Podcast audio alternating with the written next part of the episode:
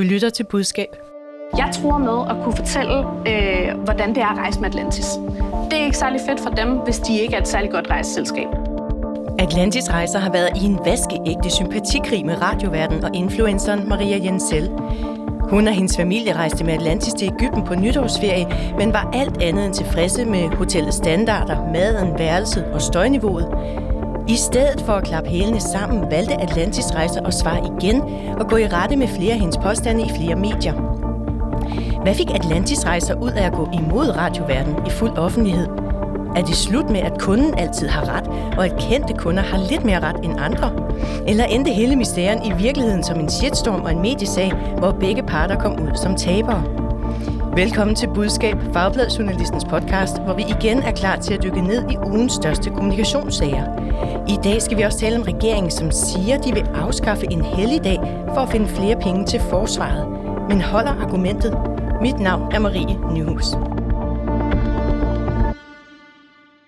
Budskab er tilbage efter en lille juleferie, og jeg er som sædvanlig i rigtig godt selskab med to erfarne kommunikationseksperter. Og i dag har vi faktisk også en fødselar i studiet. Det er dig, Trine Krohmann Mikkelsen, kommunikationsdirektør hos Demand og tidligere pressechef hos øh, blandt andet SAS. Velkommen til dig, og stort tillykke med fødselsdagen. Tak skal du have. Har du haft en god morgen? Det har jeg meget. Nå, ja. det er dejligt. Og så har vi dig med, Thomas Hundsbæk, kommunikationschef hos 3F og tidligere særlig rådgiver for blandt andet de radikale Sofie Karsten Nielsen. Også velkommen til dig. Tak. Og Thomas, jeg kunne egentlig tænke mig at blive lidt over ved dig, og lige starte vores udsendelse i dag med at høre, hvor du nødigst vil være rådgiver i den her uge. Jamen det er, hvor jeg faktisk selv tidligere har været ansat over på Københavns Rådhus. Ja, hvorfor det? Øh, fordi de har øh, haft en sag over med en borgmester, øh, Mia Nygaard, som øh, øh, åbenbart, øh, i hvert fald ifølge de øh, oplysninger derude, har været så øh, elendig en chef, øh, at hun er chikaneret, råbt øh, og øh, øh, behandlet sine, øh, sine øh, direkte øh, nærmeste meget øh, dårligt. Øh, det er jo altid en, en, en, en skidsag, øh, for, særligt for en politiker, der skal, der skal vælges på et tidspunkt. Øh, men det, jeg synes, der er allermest opsigtsvækkende herovre, det er den løsning, de så har valgt. Ja, hvad, det der, hvad er det, du hæfter dig ved ved det? Jamen, de har valgt at fjerne de folk, som, øh, som øh, hun skal betjene sig af, fra borgmesteren, øh, særligt presrådgiverne, men også hele hendes forkontor. Øh, og det er jo en decideret ikke-løsning. Altså, øh, vi har et problem, og vi øh, lader være med at løse det. Og det der er jo, der er jo så mange led i det. Øh, hvis man skal kunne fungere som øh, rådgiver, så er det jo vigtigt, at man har et tillidsfuldt forhold til, sin, øh, til, til man skal rådgive. Og det er en tillid, der skal gå begge veje. Øh, når, man, når man konkluderer, at man har et problem her, og siger, at problemet er så stort, at vi ikke kan sidde sammen, og i øvrigt også for, fortæller dem, at I må ikke kontakte en direkte, det er nogle få personer, der er, så hele fundamentet for at kunne rådgive, det er simpelthen forsvundet. Øh, så man har valgt at løse problemet ved ikke at løse det, og ved at gøre det stik modsatte, ved at virkelig at gøre øh, rådgivningsopgaven fuldstændig umulig for de folk, der skal sidde ved siden af Mia Nygaard derovre. Mm. Det er, der, ret, det er ret håbløst. Du nikker. Både Trine. noget symbolsk og noget helt fysisk upraktisk øh, ved det, øh, som, som kan være svært at agere i som rådgiver. Ikke? Øhm, så, så handlingen i sig selv, på en eller anden måde siger vi, vi, vi har ikke tillid til, at det kan fungere mellem jer, og så flytter vi jer jo også, det også lige fysisk, så det, det kan være ret svært at være i. Ja, og så kan man sige, hvis man så skulle ud og kommunikere den løsning, der er lavet, så det man jo virkelig signalerer, det er, at vi erkender, at problemet er der, og vi løser det ved at bevare det. Altså det er jo, øh, det er jo virkelig en, øh, en, en, en cirkelslutning, der på en eller anden måde overhovedet ikke giver mening. Og nu kan hun så ikke få hjælp til at få den forklaret, fordi dem har hun også flyttet væk fra sig. Så der vil du nødig være? Ja, det må man sige.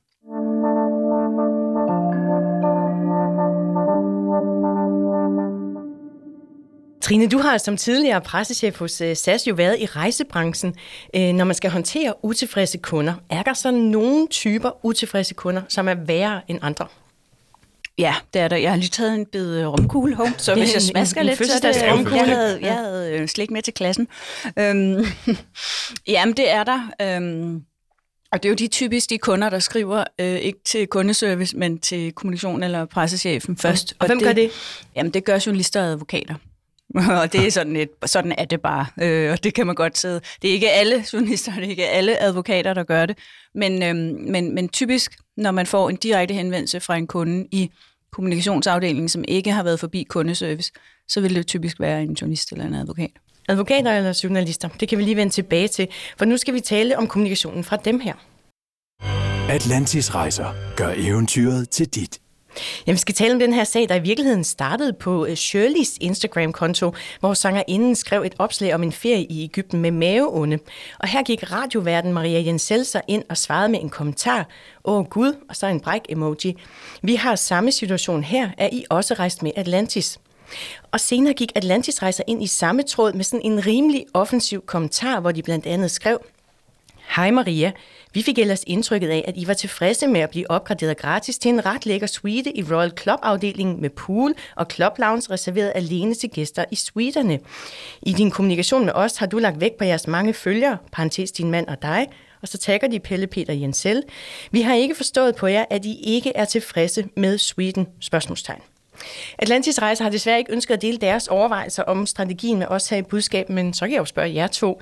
Thomas, er det her en klog måde for et rejseselskab at træde ind i krisehåndtering på? Øh, ved du hvad, jeg vil faktisk sige, nej, det er det ikke, men jeg synes, det går super godt for dem. Hvad, hvad er det så, der gør, at det... Jamen, det, er, det her synes jeg jo viser, at vi kan læse, øh, os der lever af at kommunikere, nok så mange teoretiske bøger og have nok så mange idéer om, hvordan man skal håndtere en situation. Men det der i ret mange øh, sådan kriseagtige situationer, det her var jo ikke engang krise øh, på det tidspunkt, hvor, hun, hvor, hvor de går ind. Øh, men det er, at man bliver nødt til at have noget fingerspidsgefyld. Man bliver nødt til at kunne håndtere kriser håndholdt. Man kan ikke kigge ned i en bog og sige, hvordan det skulle være. Havde jeg været Pernille Amitsbøl, som hun hedder, kommunikatøren her, øh, havde jeg været hendes chef, så havde jeg nok sagt, det der skal du ikke gøre. Men øh, så er det jo lidt her at sidde bagefter og være bagklog, og så kan vi sidde og sige, hvorfor var det egentlig, det her gik. Men jeg synes, de gambler helt vildt, da de går ind. Det her kunne, gå, det her kunne være gået så galt. Øh, og hvad er det, de gambler med? Jamen altså, som rigtig, rigtig meget andet øh, krisekommunikation, hvor der næsten altid er to parter, der er uenige, så er øh, kampen i offentligheden jo en kamp om sympatien. Og øh, jeg tror, jeg har sagt det, det samme mange gange i den samme mikrofon, men øh, en vigtig del af sådan sympatilogikken, det er David mod Goliath. Øh, den lille har næsten altid som udgangspunkt sympatien. Den, det er synd for det enkelte person, her i tilfældet en radiovært, som også er mor til to små børn, som har støj og tyndskid og hvad ved jeg. Øh, så hun er meget, meget let ved at blive den lille øh, op mod den store, som, som tryner hende. Og det var den position, som at Atlantis Rejser jo faktisk risikerer at komme til at stå i big time, når de går ud og bruger deres, øh, hvad skal man sige, styrke til at tryne en enkelt person. Grunden til det her, det lykkes, det er jo fordi, at det kommer til at fremstå omvendt, fordi hun bruger sine 50.000 følgere. Hun bruger sin pression. Hun prøver at blive den store i en kamp. Og det bliver, udstillet. Mm. det bliver udstillet over for offentligheden. Og det mener jeg, hvis jeg skal være helt ærlig, ikke at Atlantis rejser på det tidspunkt kunne have kalkuleret sig frem til, at det vil gå sådan. Så en gigantisk gamble, som går godt. Ja. Trine, er du enig? Nej, jeg er faktisk ikke helt enig. Øh, jeg er enig i din første pointe, at øh, de tager en, en, en risiko her. Men jeg, jeg analyserer den lidt anderledes. Jeg, øhm, jeg tror, øh, og det, ved, det kan vi jo ikke vide, men jeg ser, at det er kundeservice, der håndterer. Der er ret stor forskel på en kommunikationsafdeling og kundeservice. Øhm, I alle de virksomheder, jeg har været i, hvor vi har kundeservice, der driver vi kundeservice øhm, adskilt fra kommunikation. Hvorfor tror du, det er kundeservice, der er i noget stormvær? Og der er jo ikke kommet et stormvær endnu. Det er jo ikke sådan, så bare fordi der er en utilfreds bruger, øh, og det er en kendt på øh, øh de online kanaler, at kundeservice ringer til kommunikation og siger, nu skal vi have et beredskab. Det, det er i hvert fald ikke sådan, jeg har ageret. Men hvorfor tror du, det er kundeservice, der håndterer det her? Det er dem, der har været i kontakt med dem. Øh, så så det, det er bare min, og det er den, den, øh, den øh, frækhed, der er i at, at tage den der øh, tilgang til at sige, selvom jeg er Goliath, så kan jeg godt øh, øh, skrive en relativ øh, harsh kommentar til en kunde. Øh, som du også siger i dit oplæg, øh, at har kunderne ikke altid ret. Så derfor tolker jeg, det må være en kundeservice-medarbejder. Mm. Øh, hvis, hvis, øh, hvis de var kommet til kommunikation, så tror jeg, at de ville være blevet rådgivet anderledes. Det ville jeg i hvert fald have gjort. Skulle de øh, have holdt den under radaren så, eller hvad Ja, tænker det synes jeg. Ja. Jeg synes ikke, det er klædeligt. Altså, så kan man godt sige, okay, så vandt de, men hvad var det, de vandt? Det er da ikke klædeligt for en virksomhed at se øh, altså bokse med sine kunder i offentligheden. Men det kan på, vi lige... på nogen måde. Det synes jeg er uklædeligt. Så derfor synes jeg ikke, der er nogen, der vinder her. Heller ikke øh, radioverden og hendes familie. Lad os vende tilbage til det, fordi i hvert fald det, der sker herefter, det er, så fyrer det med kommentarer på sociale medier om sagen, og Jens familien de stod i noget af en shitstorm, hvor det blev kaldt øh, pinligt og usmageligt, det som de havde gjort. Der var også flere medier, der begyndte at omtale sagen, og lørdag postede Maria Jens så et længere Instagram-opslag, hvor hun gav sin udlægning af, hvad der egentlig var sket på rejsen. Hun beskrev blandt andet maden på hotellet som uspiselig og værelserne som nedslidte, og så fortalte hun videre om, hvordan familien blev holdt vågne af høj musik uden for værelset, hvordan de blev syge af maden, og at Atlantis afviste at flytte familien til et andet hotel eller at refundere øh, deres udgifter. Øh, det her opslag fra Maria Jensel, det gav så anledning til mere medieomtale. Og her svarede Atlantis Rejser også igen, og her gik det altså i rette med flere af hendes præmisser. De fortalte blandt andet, at Jensel parret havde ønsket at blive flyttet til et bestemt hotel, The Four Seasons, og udleverede også ordlyden i sidste del af den klage, som Maria Jensel har skrevet til Atlantis Rejser, hvor hun ifølge BT skrev, jeg citerer, Vi har over 50.000 følgere, der følger med i denne ferie, og i dag kommer jeg til at fortælle dem om vores oplevelse, hvis ikke I bekræfter refunderingen. Thomas, de kom godt fra start, Atlantis, sagde du. Er det her også godt, at de så ligesom fortsætter med at udlevere øh, oplysninger i medierne? Altså, ja, ja, der er jo et etisk element i det her. Ja, det er jeg glad for, at du bringer øh, ja. Persondata. Øh. og, og, og, og, og hvis vi lige øh, skal tage det først, så er vi ude i noget her, som jeg ikke øh, helt øh, kan vurdere. Er vi øh, må de mm, overhovedet mm. det her? Det er ikke det, der er min metier. Men hvis jeg skal kigge på, hvordan de... Øh, altså, man skal jo passe på med at lave meningsmålinger og imageanalyser ved at læse kommentarstrækken på sociale medier. Men jeg er helt sikker på på det her tidspunkt, at Atlantis Rejse har sympatien. Og jeg tror sådan set, de underbygger den sympati, fordi det er en kamp mellem to. Øh, så jeg synes faktisk stadigvæk, øh, stadigvæk de vinder. Øh, men de er ude igen helt på en knivsæk. Altså, det er, jeg synes, det, her, det er så meget på et balancepunkt, at lige så godt kunne være faldet ned til den anden side. Men, øh, men, øh, og hvor det kunne være gået galt. Så jeg synes, det der er kendetegnet hele vejen igennem her, det er dit gamble, hvor de øh, på, hvad skal man sige, hvis man måler øh, på, øh, på outcome, så vinder de en, øh, en øh, sympatikrig. De står over for en her, som jo er villig, det har de jo også set på i, i kommentarstrengen til Shirley, at bruge sine 50.000 de, øh, øh, følgere til at skabe øh, øh antisympati. antisympati. Mm. Øh, så jeg synes sådan set, de er ude og i en eller anden form for præventiv øh, manøvre, hvor de siger, det her forsøger vi at sætte en prop i. Vi, vi, øh, vi prøver at blive ved med at stå øh, på, at det er faktisk noget andet, der er foregået her. Vi har været udsat for noget pression. Det, det er bare så nemt at være bagklog, så det, er det vil jeg gerne lige sige. Men, det er men jeg tror bare, de kunne sofistikeret have lavet øh, øh, familien øh, på en eller anden måde fremstille sig selv lidt øh, hvad skal vi sige, øh, first world problem, øh, uheldige, ved ikke at decideret at gå i offensiven og i, altså i, krig, øh, ja. i krigen med dem. Men, men mener du også det der, vi, vi snakkede tidligere om den der DSB-sag, hvor ham der øh, øh, kundeservice går ind i en dialog med en, der øh, brokker sig over regnbuefladet. Det var bare sofistikeret gjort. Og der fik han øh, personen, der var urimelig i sin brok, til at fremstå urimelig. Jeg synes ikke, Atlantis nødvendigvis for dem til at fremstå urimelig rent. Jeg tænker også, der er også noget, der ikke har fungeret på den anden side. De har også noget at skulle rydde op i eget hus. Men gælder det også, når historien først er ude, Trine? Fordi du, ja. du er uenig i, at de går ind og skriver den kommentar, som de gør på Shirley's Instagram-konto. Men, men når vi så er der, og historien er ude, og øhm, Maria selv laver det Man skal ikke have det slagsmål i offentligheden. Og det var tilbage til min anden persondata-pointe. Når der sker det modsatte, når en virksomhed kontaktes af en journalist, som har en træt kunde, øh, som de vil lave en historie om, så siger vi altid, vi udtaler os ikke om enkelt personforhold. Det vil vi ikke. Øh, det er simpelthen for farligt at begynde at tale om enkeltpersoner, og der er, vi, vi er på kanten med det juridiske her. Så den kan man jo også vende om i det her tilfælde. Hvorfor må man så godt udtale sig om enkeltpersonforhold, når det er, at det er, øh, hvad kan man sige, øh, rejsebrud, der hænger kunden ud? Det, det, det er der, jeg synes, der er nogle problemer Og det er også noget af det, som Maria Jensel faktisk kritiserer i det Instagram-opslag, ja. men i forhold til det, som Thomas han siger om at vinde sympatien, skal de så gå ind i de mediehistorier, der er, eller skal de også holde sig ud af dem? Det kan man godt, men der, jeg, jeg vil bare altid rådgive om den ydmyge tilgang. Du er, det er dine kunder. Det er dine kunder. Tag den ydmyge tilgang. Det vil jeg rådgive om. nu, nu er vi virkelig derude, og vi er rigtig ja. bagkloge, for vi kan jo se, hvad ja. det er gået. Øh, men det, der jo er shitstormens dynamik, det er jo, at at den går øh, sådan ret, øh, den går ret øh, kraftigt accelererende i gang, og når den første er i gang, er den næsten umulig at bremse. Det Atlantis stod over for her, da de startede, det var, at 50.000 følgere kunne sige, ej, hvor er det synd for jer, sikkert et lorte rejsebyrå. Øh, og, og, og hvis de havde truffet en beslutning om, at vi skal ind og forklare os på et tidspunkt, hvor det ville være sådan mere etisk berettiget, altså hvis de skulle vente, at nu må vi gerne, for nu er shitstormen så stor, nu er der så mange mennesker der efter os, at vi bliver nødt til at gå ind i den her sag, så kunne det have været for sent.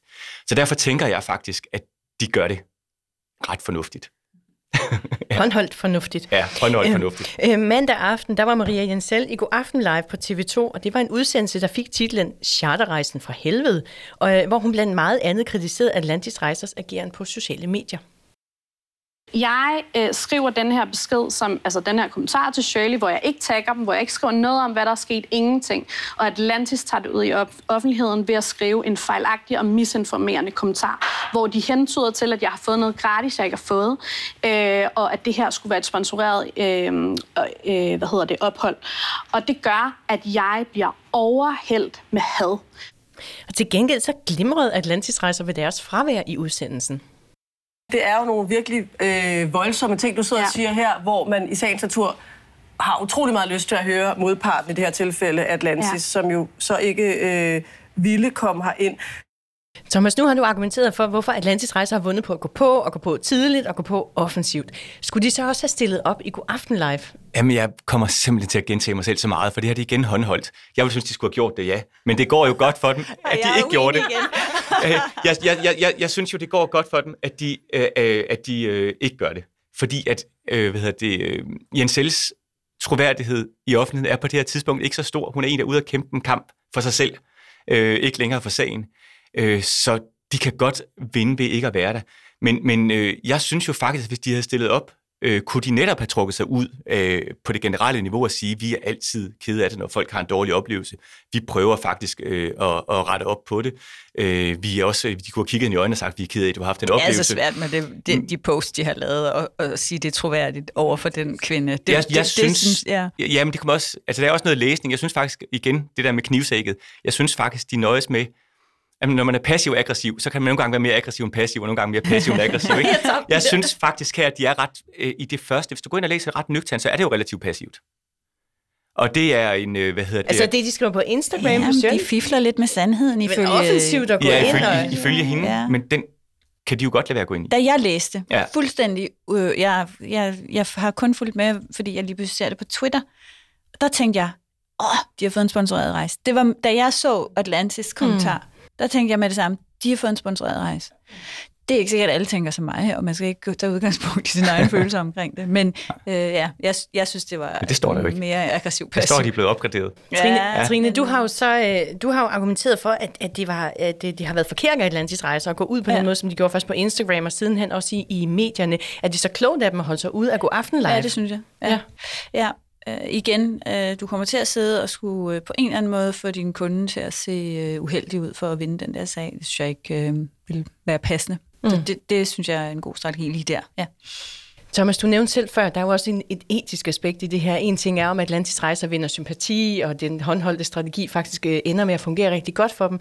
Men hvad med det etiske? Også i det, som Maria Jensel hun selv nævner, at hun bliver kastet ud for en masse had på sociale medier, at hun ender i en kæmpe shitstorm sammen med sin familie, på grund af den øh, måde, som Atlantis Rejser kommunikerer på. Hvilket ansvar har Atlantis Rejser i din optik for det? Jamen, det har de helt bestemt ansvar for. Øhm, Altså, jeg, jeg kan bare ikke lade være med at sige, at vi har en ny virkelighed nu, hvor enkeltpersoner ikke nødvendigvis er svage, hvis de er offentlige personer med en masse følgere. Så er vi mere en ligeværdig kamp. Vi kan godt frame det her, som om det er et stort selskab mod en privat person, men det er ikke det, jeg synes, der er kampen. Jeg synes, kampen her er en person, som er villig til at sige, ved du hvad, jeg kan, jeg kan, jeg kan slås med jer. Hun, er, øh, og hun gør det. Øh, øh, jeg har så så mange følgere, dem er jeg, øh, dem er jeg klar til at bruge. Øh, hun bliver ramt af det samme, som hun forsøger at ramme Atlantis med.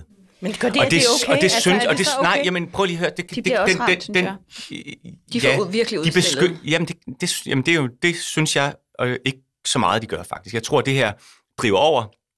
Det blivende indtryk af det her, det var, at der var, en, der var en eller anden form for fighter. Jeg tror ikke, at Atlantis har super mange riser i lakken, når det her det er over.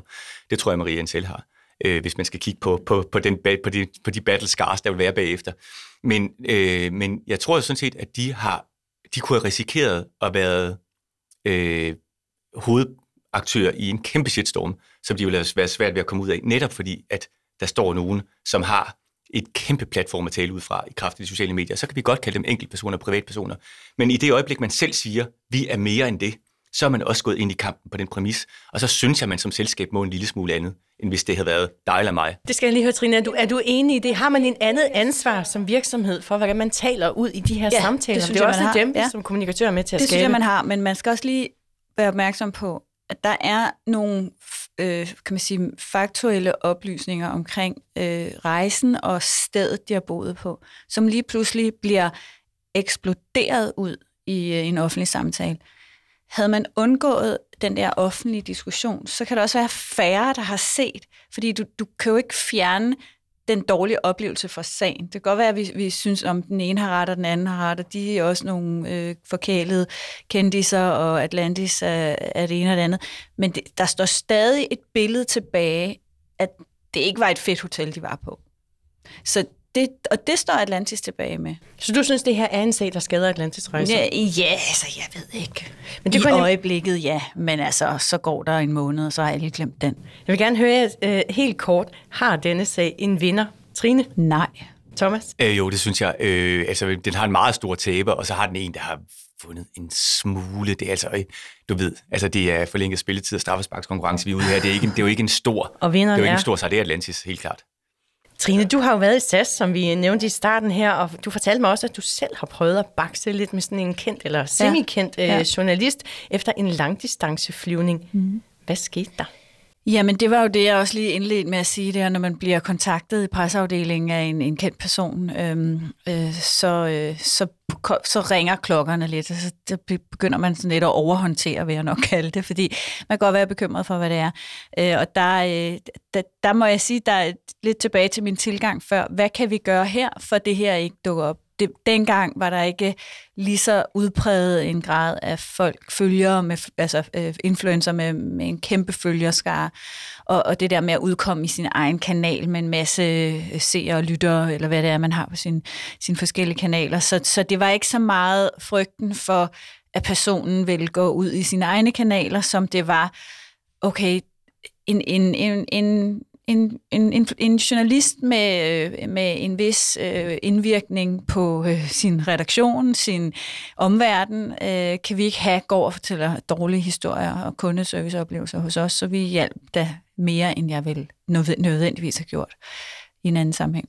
Fordi er det så anderledes at håndtere øh, sådan en, hvad skal jeg sige, lidt øh, vanskelig kunde end i dag, hvor nogle af de måske vanskelige kunder er influencer og direkte eller indirekte kan tro med deres følgerskare?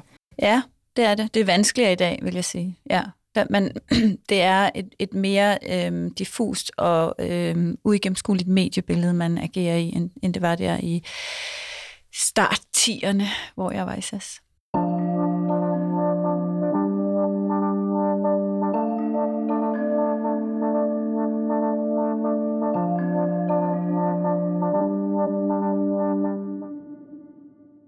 Du lytter til Budskab, Fagblad Journalistens podcast om kommunikation. Husk, at du altid kan skrive til os, hvis du har input eller idéer til podcasten, eller hvis du har et dilemma fra dit eget kommunikationsjob. Skriv til budskab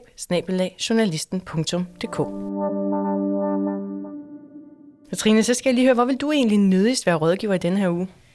Jamen altså, først så tænker jeg, hele oppositionen vil jeg gerne undgå at skulle øh, hjælpe med at komme videre med deres egen, øh, hvad kan man sige, øh, platform, øh, deres kommunikative platform i det nye scenarie en flertalsregering. Hvorfor er det svært at kommunikere i en virkelighed med en øh, flertalsregering, hvor de jo så er en mindretalsopposition? Ja, altså det er din, øh, hvad kan man sige, dit eksistensgrundlag går på, at du kan skabe de forandringer, som du gerne vil øh, love dine vælgere med din politik.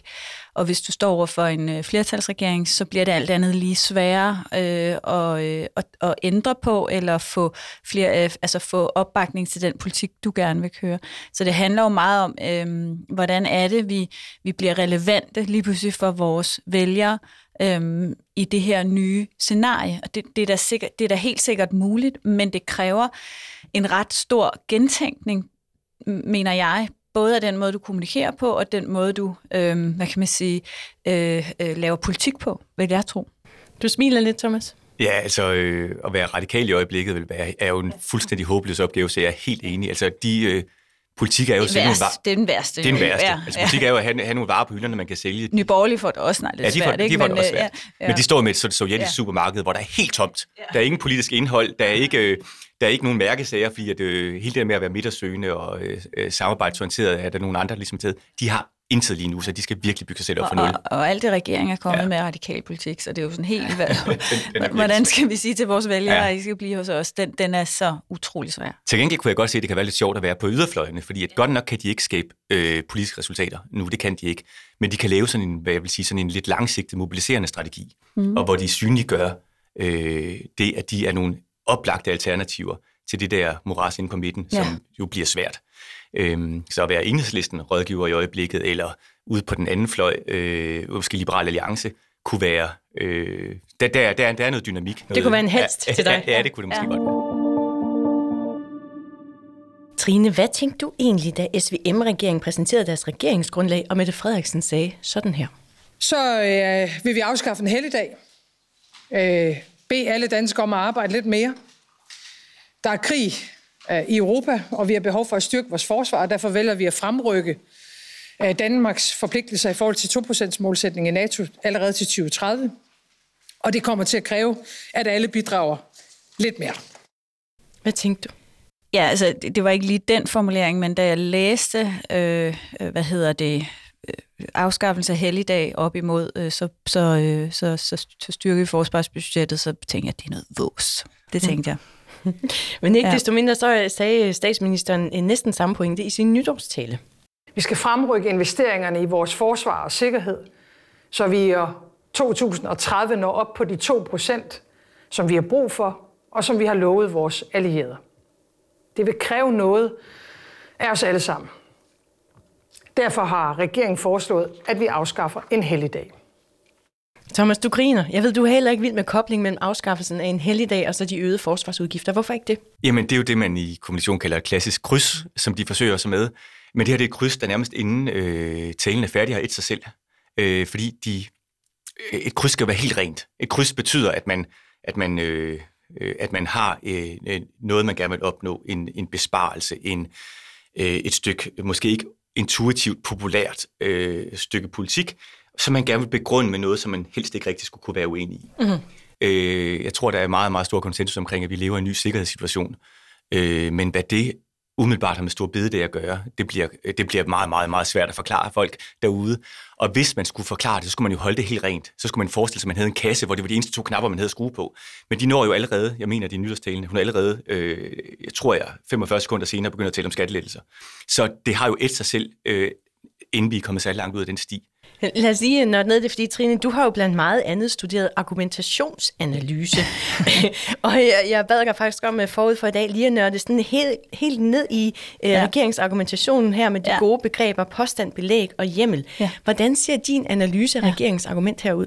Jamen, det gode argument, der hænger påstand, øh, belæg og hjemmel sammen, øh, og, og der skal være en, en tæt og naturlig knytning mellem de elementer. Så hvis påstanden er, at hvad hedder det, øh, Stor Bededag kan finansiere øh, forsvaret, så, øh, så skal du så sige, øh, hvad er belægget for det? Så man siger, hvorfor?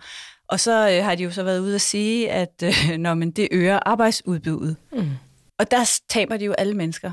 Hvor, hvorfor? Øh, Øh, det er jo altså, rigtigt nok, at du mere arbejdskraft til rådighed for, for arbejdsmarkedet. Hvor, hvor, hvorfor, hvorfor, giver- hvorfor giver det flere penge i statskassen? Det forstår jeg ikke. Altså, der, det, det, øh, kæden hopper af i deres, hvad kan man sige, øh, forventning om, at det forstår folk, der er udmærket. For det, det gør man ikke. Øh, det gør man selv. Altså, jeg er sådan rimelig godt inde i, hvordan finanslovsforhandlinger foregår, hvor pengene kommer fra. Øhm, vi, vi prøver også tit at få politiske øh, øh, tiltag igennem, som kan gavne os, og så, øh, så forklarer vi det med, hvordan det kan øge pengene i statskassen på længere sigt. Jeg synes selv, det er svært at få til at hænge sammen. Så når du så har en, en så du mang, det er hjemlen, der mangler, fordi alle folk øh, øh kan ikke bare forstå, at arbejdsudbuddet giver flere penge. Øget arbejdsudbud udbud giver flere penge. Altså her skal man måske sige, at hjemmel det er det, der gør belægget gyldigt. Ja, præcis. Og, og det er den gyldighed, jeg synes, der mangler. Øh, og det, de, så, så, så du kan jo godt påstå det, og så er der nogen, der siger, ja, det er rigtigt, det, det argument forstår jeg godt, men det er bare utrolig få. Så din påstand og dit, øh, din argumentation bliver bedre, jo tættere kobling, der er på din, øh, dit påstand, din belæg og dit hjem. Så de vil legitimere et meget upopulært mål med noget, som er meget svært at forstå. Ja. Øhm, det var den der mor, mor lille er en sten, sten. øh, øh, sten kan ikke flyve, så øh, mor lille er en sten. Ikke? Altså, det, som også, det er lidt derhen af. Ikke? Okay. Så forstå det, øh, bare fordi vi siger det. Det er jo heller ikke noget, de har vundet popularitetskonkurrencer på. Altså faktisk har de fået kritik nærmest hele vejen rundt fra fagbevægelse, opposition, øh, biskopperne og også økonomer. Forslaget om at afskaffe en stor bededag, det skal bare tages af bordet. Jeg tror ikke, vi skal prøve at løse problemet med krig i Europa ved at sige, så afskaffer vi stor bededag. Altså, det, det bliver lige øh, frisk nok. Så det er lidt noget, noget spin, regeringen kører med det, at koble det her til vores nationale sikkerhed. Og ved at gøre det, man gør, så afskaffer man altså også nogle bibelske tekster ind i kirken. Jeg tror ikke, det er noget, som man vil anse for at have en varig effekt. Vent dog med at give skattelettelser, til vi har råd til det. Jeg skal måske lige sige, at det var Lisette Riesgaard fra FH, så var det politikerne Søren Pape og Pelle Dragsted, biskoppen i Aalborg Thomas Reinholdt Rasmussen og overvismand Karl Johan Dalgaard, som vi hørte i sammenklippet her. Og så har jeg her til morgen også hørt, at der også er nogle socialdemokratiske borgmestre, der nu er, er utilfredse. Æ, Thomas, det kryds, du lige forklaret om før, altså man vil, man vil legitimere et eller andet politisk mål med noget, som det er svært at være uenig i.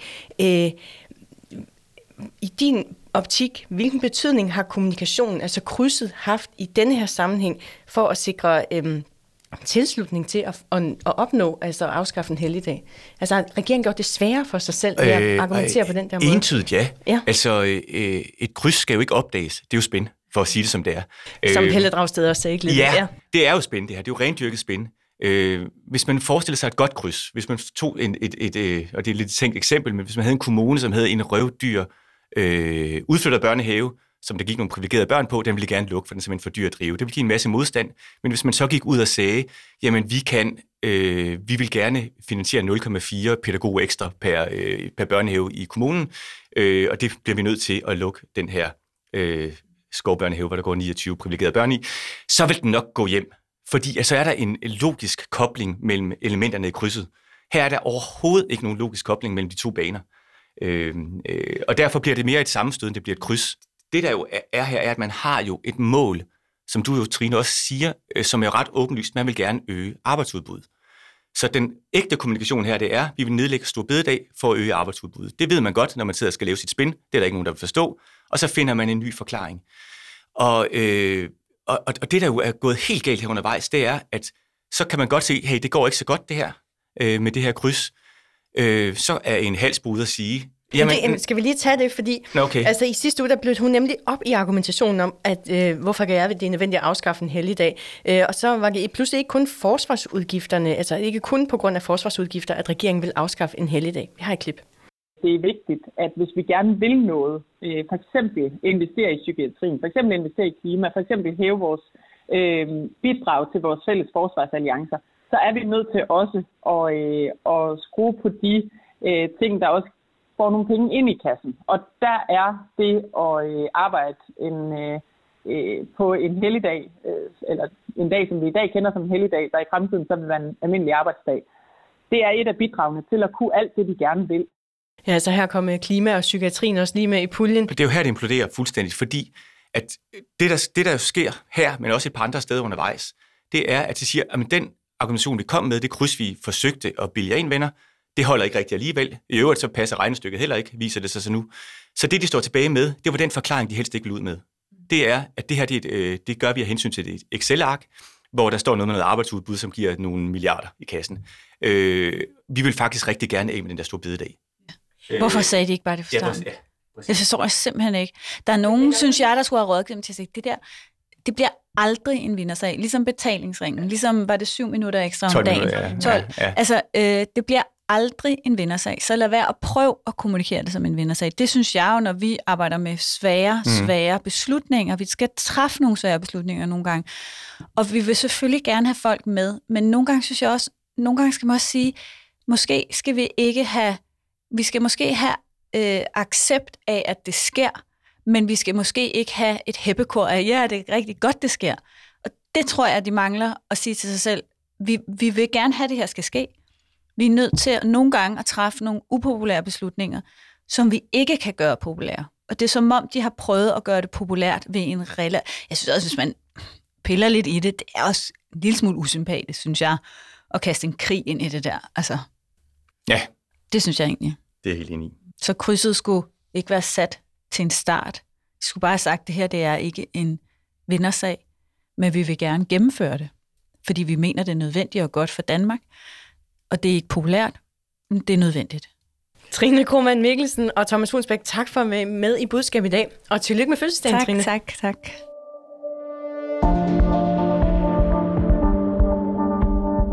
Du lyttede til Budskab, Fagbladjournalistens podcast om kommunikation. Udsendelsen i dag er tilrettelagt af Sandra Korsgaard og mig. Mit navn er Marie Nyhus, og jeg er redaktør og vært på Budskab.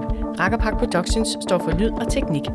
Du hørte klip fra TV2, TV2 News, DR, TV2 Nord, Folketings-TV og Ritzau. Husk, du kan altid skrive til os, hvis du har input eller idéer. Skriv til budskab Hvis du kan lide at lytte til budskab, så giv os meget gerne en anbefaling. Og hvis du søger flere podcasts om medier og kommunikation, så vil jeg anbefale podcastserien Journalisten fortæller Kavling. En interviewserie, som går bag om alle de Kavling-nominerede projekter, og du kan finde den i alle podcastplayer. Tak fordi du lyttede med.